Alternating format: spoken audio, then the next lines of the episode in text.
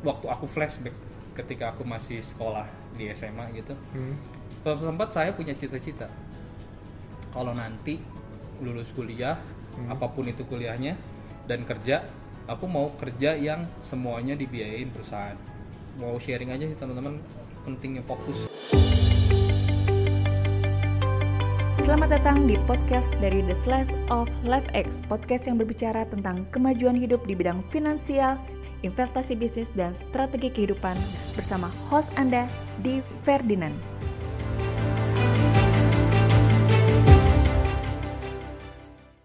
Hari ini saya ada sesi khusus bersama seorang fish farmer atau boleh dibilang petani ikan ya. Petani ikan ya, aneh ya kata petani ya. Iya. Namanya Hendra Gandhi. Beliau ini nggak memulai langsung dari awal milih jadi peternak ikan ya, peternak ikan ya. Lebih cocok kayak peternak deh bahasanya. ini kecemplung basah Kecemplung basah. Nah, pasti penasaran kan kok tiba-tiba bisa masuk ke ikan dan ikan kayak gimana sih? Ini namanya ikan apa? discuss Discuss. Oke, kita kan banyak ngobrol ya eh, di Money Talk yang semua tentang finance, bisnis dan bagaimana Anda bisa menciptakan uang di era ekonomi baru. Thank you. Thank you, Hendra. Ya. Wah, di belakang kita juga ada istri dari Iya. Hendra, ada anak-anaknya juga, Mami Fish, eh, Baby Fish dan Daddy Fish. Nanti lihat ya bajunya nanti akan masuk kemari. Nah, Dra, ini menarik banget. Kenapa Hmm. gua ngundang lo kemari? Karena menurut gua teman-teman harus banyak tahu juga. Hmm. Karena kan nggak semua orang dengan latar belakang lo yang menurut gua cukup menarik, iya kan? Akhirnya lo bisa nyemplung kecemplung basah lah, ya kan? Ya. Boleh ceritain nggak sih ke teman-teman kira-kira apa, kenalin diri lo gitu, berapa lama sih udah berbisnis dan lain-lain? Oh, Oke. Eh, halo teman-teman, nama saya Hendra Gandhi. Jadi sebenarnya kalau kita ngomongin pendidikan, background saya itu dari medical. Medical. Yes, saya Sekolah lulusan- kedokteran berarti. Exactly, saya Oke. lulusan kedokteran dari Atmajaya di tahun 2011. 2011. Nah, sebagai Oke. dokter umum, memang setelah itu kita masih mau melanjutkan profesi sebagai dokter. Hmm. Jadi saya sempat ke Kalimantan, di sana sebagai dokter honorer di salah satu rumah sakit cukup terpencil karena kita kan harus terbang ke Oh. Balikpapan ya. Habis itu traveling lagi 8 jam. Jadi itu cukup perifer areanya. Oke. Ya di situ melaksanakan praktek selama satu setengah tahun, enjoy karena memang senang interaksi sama Hmm, pasien. Juga eh, ya kita mau aplikasikan apa yang kita dapatkan dari Iya. pendidikan gitu. Long story short, balik ke Jakarta karena the main reason sih memang permintaan waktu itu calon istri. Pacar ya waktu itu ya. pacar. Mantan pacar. Dia bilang, "Udah deh, kita praktek balik eh kamu praktek balik di Jakarta aja gitu Oke. kan." Nggak boleh jauh-jauh. Iya, Tapi akhirnya- nggak posesif ya. Enggak sih. Oke, nggak posesif ya. Nah dari situ kita balik ke Jakarta, memang itu salah satu faktor trigger ya, trigger, Trigger ya, akhirnya pindah. Oke, Cuma main ya. reason mungkin eh, ketika kita praktek dan banyak interaksi sama pasien, nggak menutup kemungkinan kita juga jadi tertular Hmm, Jadi tertular itu apa nih? kira-kira? penyakit.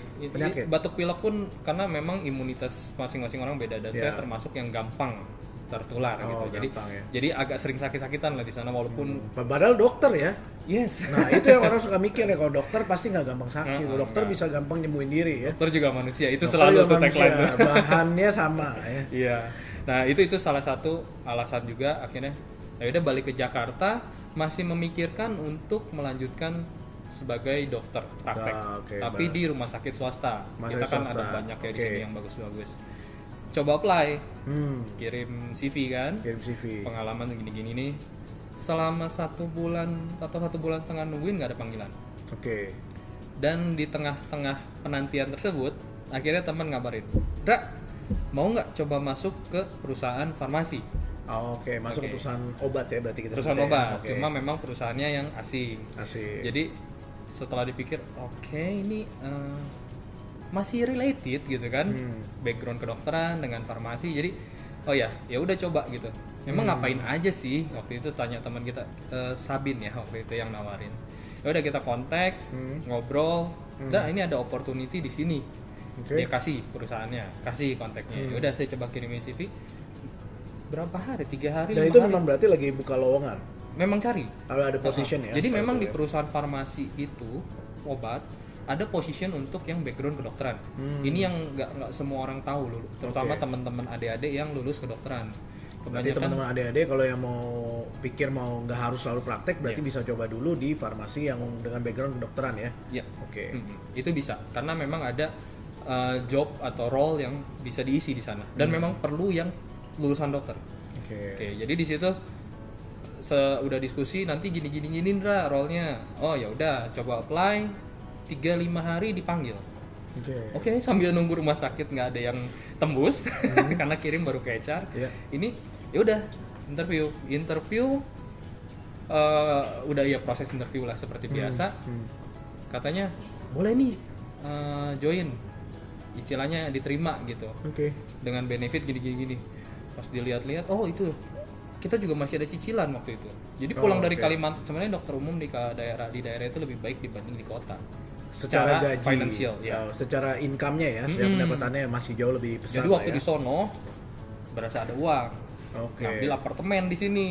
Oh, karena Cicilan- jumlahnya besar dan Iya. bisa bayarin yang cicilan sini ya. Iya, cicilan panjang kan. Berarti Jadi kayak- balik Jakarta tuh cicilan ngandelin tabungan aja. Berarti kayak gak dapat gaji dolar, bayarnya cicilan rupiah gitu. Iya, Nah, itu. mirip-mirip lah. balik Jakarta itu. Jadi wah, waktu diterima ternyata waktu salary ditawarin itu masih besar cicilan saya Uh, kecil Dibanding- berarti ya, ya. kecil banget ya. waktu pertama join. Nah di situ ya udah nggak apa-apa deh, cobain dulu. Cobain, cobain. Oh ternyata enak juga kerja di. Jadi kita office Itu ada base. sistem komisi segala nggak masih? Enggak, kalau medical enggak. Medical nggak ya? Hmm, Jadi mereka kalau perusahaan biasa ada sales, ada marketing. Hmm. Di perusahaan farmasi ada divisi ketiga medical. Oh medical. Jadi medical ini nggak ada target dalam bentuk commission uh, sales kayak gitu. Karena Tapi itu nanti nggak ngapain objektif. sih? Tugasnya ngapain? Oh itu singkat cerita kita jadi uh, apa ya? Kita jadi uh, penghubung antara perusahaan dengan KOL KOL di dunia medis, KOL key Oh, oke. opinion leader. Key opinion leader dari Hmm. dunia medis ya. Berarti expert-expert yang memang Yes. udah lumayan lama di rumah Ya. sakit ya. Oke. Jadi kita jembatan dalam segi saintifik, bukan Oke. dalam segi kita mau jual obat. Oke. Jadi kalau misalnya kita ada Berarti obat memberikan kesadaran akan uh, obat ini dan teknologinya atau Yes. kemutakhirannya Hmm. kepada uh, rumah sakit atau para calon dokter atau key opinion leader tadi ya. bagus, clinical trial base. Clinical trial Nah, base. oke. Jadi enggak, dok ini bagus obatnya enggak. Kita Jadi kasih bukan data cuma lip service tapi berdasarkan juga data-data Hmm, yang ada ya. betul. Oke, menarik. Nah itu pekerjaan seperti itu. Akhirnya kurang lebih setahunan di situ. Hmm. Ya namanya farmasi, ya namanya dunia apa ya dunia profesi itu kan sempit ya. Ya. Jadi di sana eh, satu tahun dibajak sama perusahaan lain. Oke. Ya perusahaan lain itu dari Tapi yang pas dibajak udah bisa bayar cicilan. mepet. Mepet liv- juga sama? Living kan ada living cost on top Ah, of cicilan. Nah iya, living iya. cost nggak kebayar masih. Oke. Heeh, jadi Nah, itu, itu belum menikah ya? belum Belum menikah. belum. Oke. Baru eh, kita eh aku di di hijack sama perusahaan lain. Yang namanya hijack selalu offer apa segala macam Pasti lebih menggiurkan. baik ya. Yes, lebih baik. Pilih pindah. Ya, pindah di situ ya. cukup awet lah di situ sampai profesi di farmasi 4 tahunan Empat tahun ya. Berarti hampir lima tahun di dunia itu ya. di dunia Di farmasi. farmasi ya. Dan Dari- kemudian dari situ ke mana lagi? Dari situ nanti loncat lagi. Oh, nggak apa-apa cerita aja teman-teman biar pengen tahu juga kan. Iya. Oh iya, ini aku mau sharing sama teman-teman. Jadi semua yang kemarin kejadian itu dari dokter terus ke farmasi, di farmasi pun pertama kali masuk kita di posisi yang first line. First line. Kan nanti akan naik promote promote Ya, promote nah. Berarti masih paling Ya, bawah lah ya. Dari yang paling bawah sampai ke posisi manajer waktu itu. Hmm. Nah, itu waktu aku flashback ketika aku masih sekolah di SMA gitu. Hmm. Sempat saya punya cita-cita. Kalau nanti lulus kuliah, Hmm. apa pun itu kuliahnya dan kerja, aku mau kerja yang semuanya dibiayain perusahaan. Itu itu semacam doa ya. Semacam ya u- eh, do- apa doa itu Ah, ucapan adalah doa ya. Ucapan doa ya. Jadi waktu itu sempat ngomong sama diri sendiri, aku pengen kerja yang semuanya dibayarin perusahaan dan fasilitas ada gitu. Hmm. Dan ternyata di perusahaan farmasi ini mereka sangat menghargai SDM. Oh yang kedua ya. Yang kedua dan Yang pertama, yang kedua juga. Oh sama-sama dua-duanya. Jadi begitu loncat dari dokter ke farmas perusahaan obat asing ini, mereka sangat menghargai SDM dan di Hmm. situ kita mau dari insurance, mau dari traveling karena kita sering traveling juga Hmm. across Indonesia sampai ke luar gitu. Oke. Nah di situ semua ditanggung. Jadi pas kita flashback ke yang dulu-dulu, Hmm. itu jadi it's become reality kan. Ya itu menjadi suatu kenyataan ya yang kita sebenarnya Hmm. nggak pernah sangka-sangka ya, Yes. akhirnya jadi kenyataan ya. Oke. Nah dari situ kan ada perjalanan merit Mhm. dengan calon istri yang mengajak kembali ke Jakarta. Hmm. Eh, di situ kita punya Raymond, punya anak. Hmm. Nah karena aku kerja dan istri kerja sama dia juga di farmasi karena kita sama-sama dokter. Ya. Anak nggak ada yang jaga kan. Hmm. Itu challenge kita Iya. eh, apa anak-anak muda suster dan zaman sekarang. Sempat pakai suster udah ganti nggak tahu berapa kali kita. Cuma bayarin uang admin doang. Admin ya, ganti-ganti suster ya. susah ya cari yang cocok Oke. dan mereka juga kadang ada yang nggak betah segala macam nah dari situ kita banyak istilahnya ribut-ribut pasti ada lah ya dalam Ya, pasti. keluarga Heeh. belum juga titip sama orang tua segala macam orang tua lah ya. ya akhirnya kita memutuskan ini nggak bisa berlanjut terus-terusan kayak begini gitu Hmm. dari situ pas kebetulan uh, momen ini harus berhenti uh, ribut-ribut kayak gini aku memutuskan untuk membangun bisnis baru waktu Hmm. tahun 2000 ini 2016 akhir 2016 ya. Belum lama ya berarti ya. Belum Tiga lama. tahunan terakhir Ya. ya. Oke. karena kita suka aku suka main game gamer juga suka online jadi udah tahu perkembangan e-commerce Ya. Nah itu Tokopedia, Bukalapak itu lagi gila-gilaan ya beli-beli segala macam. Sorry nyebutin brand nggak apa-apa ya. Apa-apa, santai. Jadi itu e-commerce lagi gila-gilaan dan aku melihat opportunity di sana. Hmm. Coba di situ beli waktu itu beli action cam, Action, cam. kamera, Oke. Hmm. ya yang sejenis GoPro tapi dari Xiaomi. Coba beli 5 coba buka toko. Hmm. Gaya-gayaan buka toko, nggak ada pembeli sama sekali kan waktu itu nggak ada, maksudnya nggak ada customer loyal. Kejual 5 biji dalam 2 atau 3 hari Oke. nambah lagi 10 kejual lagi dalam Itu tiga hari. harganya eh, normal atau harganya dapat good deal beli 5? enggak kita masih beli sama kita Retailer? iya jadi ambil dari sini Oh. lokal juga yang, udah masukin gitu Oh, berarti Basi jualnya ke luar kota atau enggak bayangan? tergantung order yang masuk Oke. karena Tokopedia menjangkau seluruh Indonesia kan Hmm. jadi kerjaan ya oh ini ada opportunity kan Hmm. ambil 5 habis ambil 10 habis ambil 15 habis dan itu sambil jalan eh, kerja waktu itu masih Berarti sampingan dulu ya, side Sampingan hustle dulu. kita Iya, sebutnya masih ya. side hustle. Side Jadi hustle. kita berangkat jam 6 pagi, pulang kan jam 5 sore baru di kantor, nyampe rumah jam 6 jam setengah 7 sore atau malam packing. Kerjaan gue kayak gitu di. Jadi packing eh, kirim barang baru makan. Jadi biasa makan harian jam 9. Oh. 9 malam itu dilakuin hampir tiap hari dah. Sambil packing cari restoran makan bareng. ya.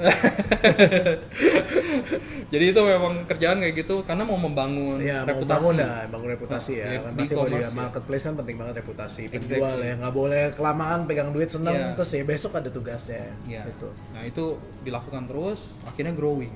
Hmm. growing Berapa lama tuh? cepet kok karena waktu itu lagi gila pertumbuhan e-commerce cuma berapa waktunya aku nggak bisa lupa lah maksudnya Masih ada nggak tokonya?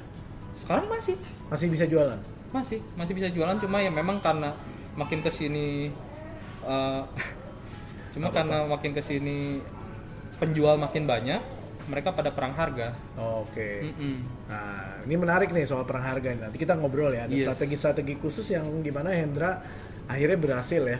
Ya, Uh, waktu itu nemuin lumayan. jalan keluarnya gimana keluar dari perang harga.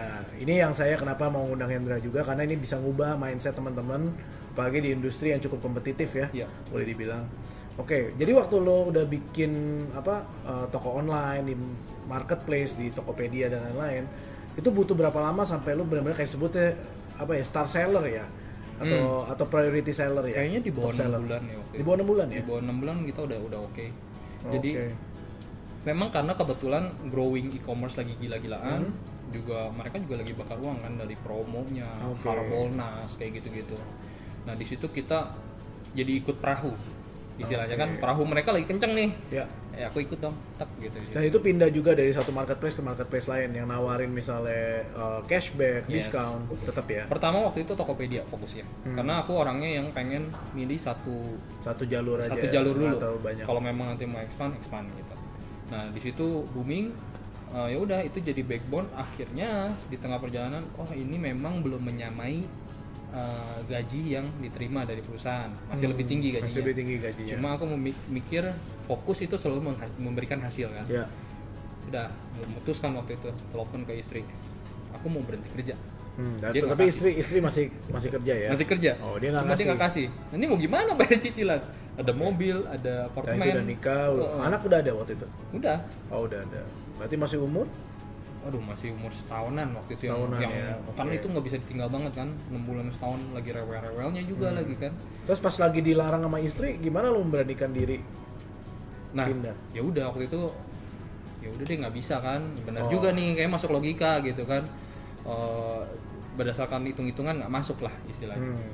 udah itu berjalan lagi seminggu dua minggu sampai ada satu momen pecah ribut lagi lah masalah anak ini jemput titip segala macam saya lah masih kerja lagi enak ya udahlah kita masih show go, the show must go on masih kerja juga masih lancar Hmm. itu Tokopedia Hmm. istri telepon tiba-tiba pagi itu kamu berhenti kerja aja deh Hmm. ini kita nggak bisa titip-titip Raymond lagi gitu kan Hmm. titip-titip lagi gitu memang itu juga membebani orang tua kita kita nggak mau gitu Ya. ya udah dari situ dah masuk resignation letter bikin resignation Nah itu nggak nggak sampai mikir lagi gitu.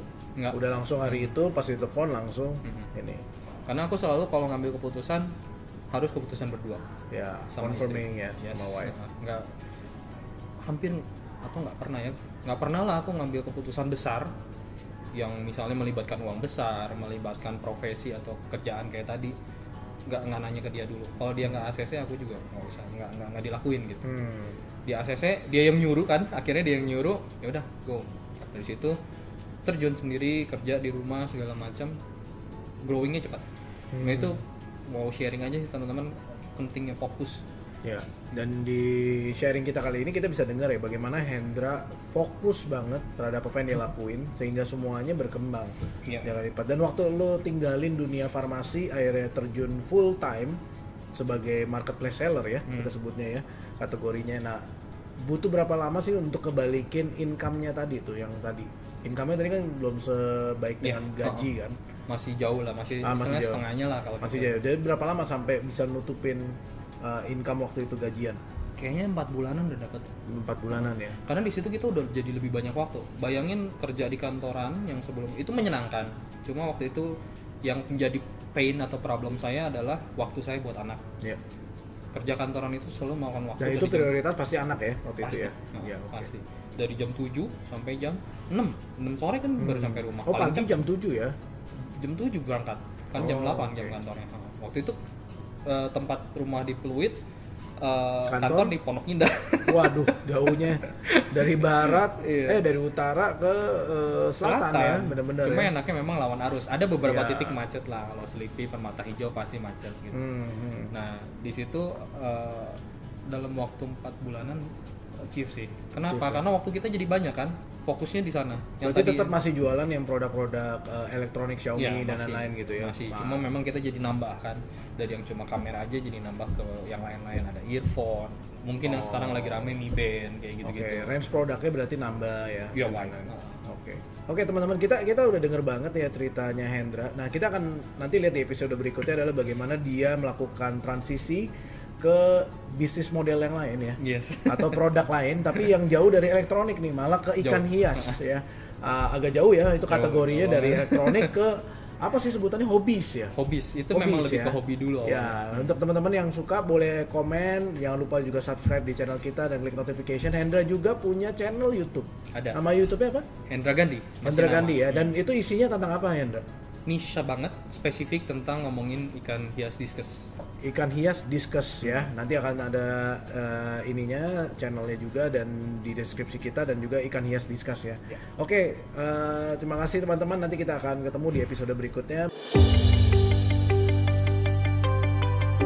Ikuti terus episode dari The Slash of LiveX dengan follow sosial media kami di Instagram dan YouTube LiveX Academy. Dan juga dapatkan konten-konten eksklusif tentang dunia keuangan di www.livexacademy.com. LiveX Academy, multiplying your life meaning.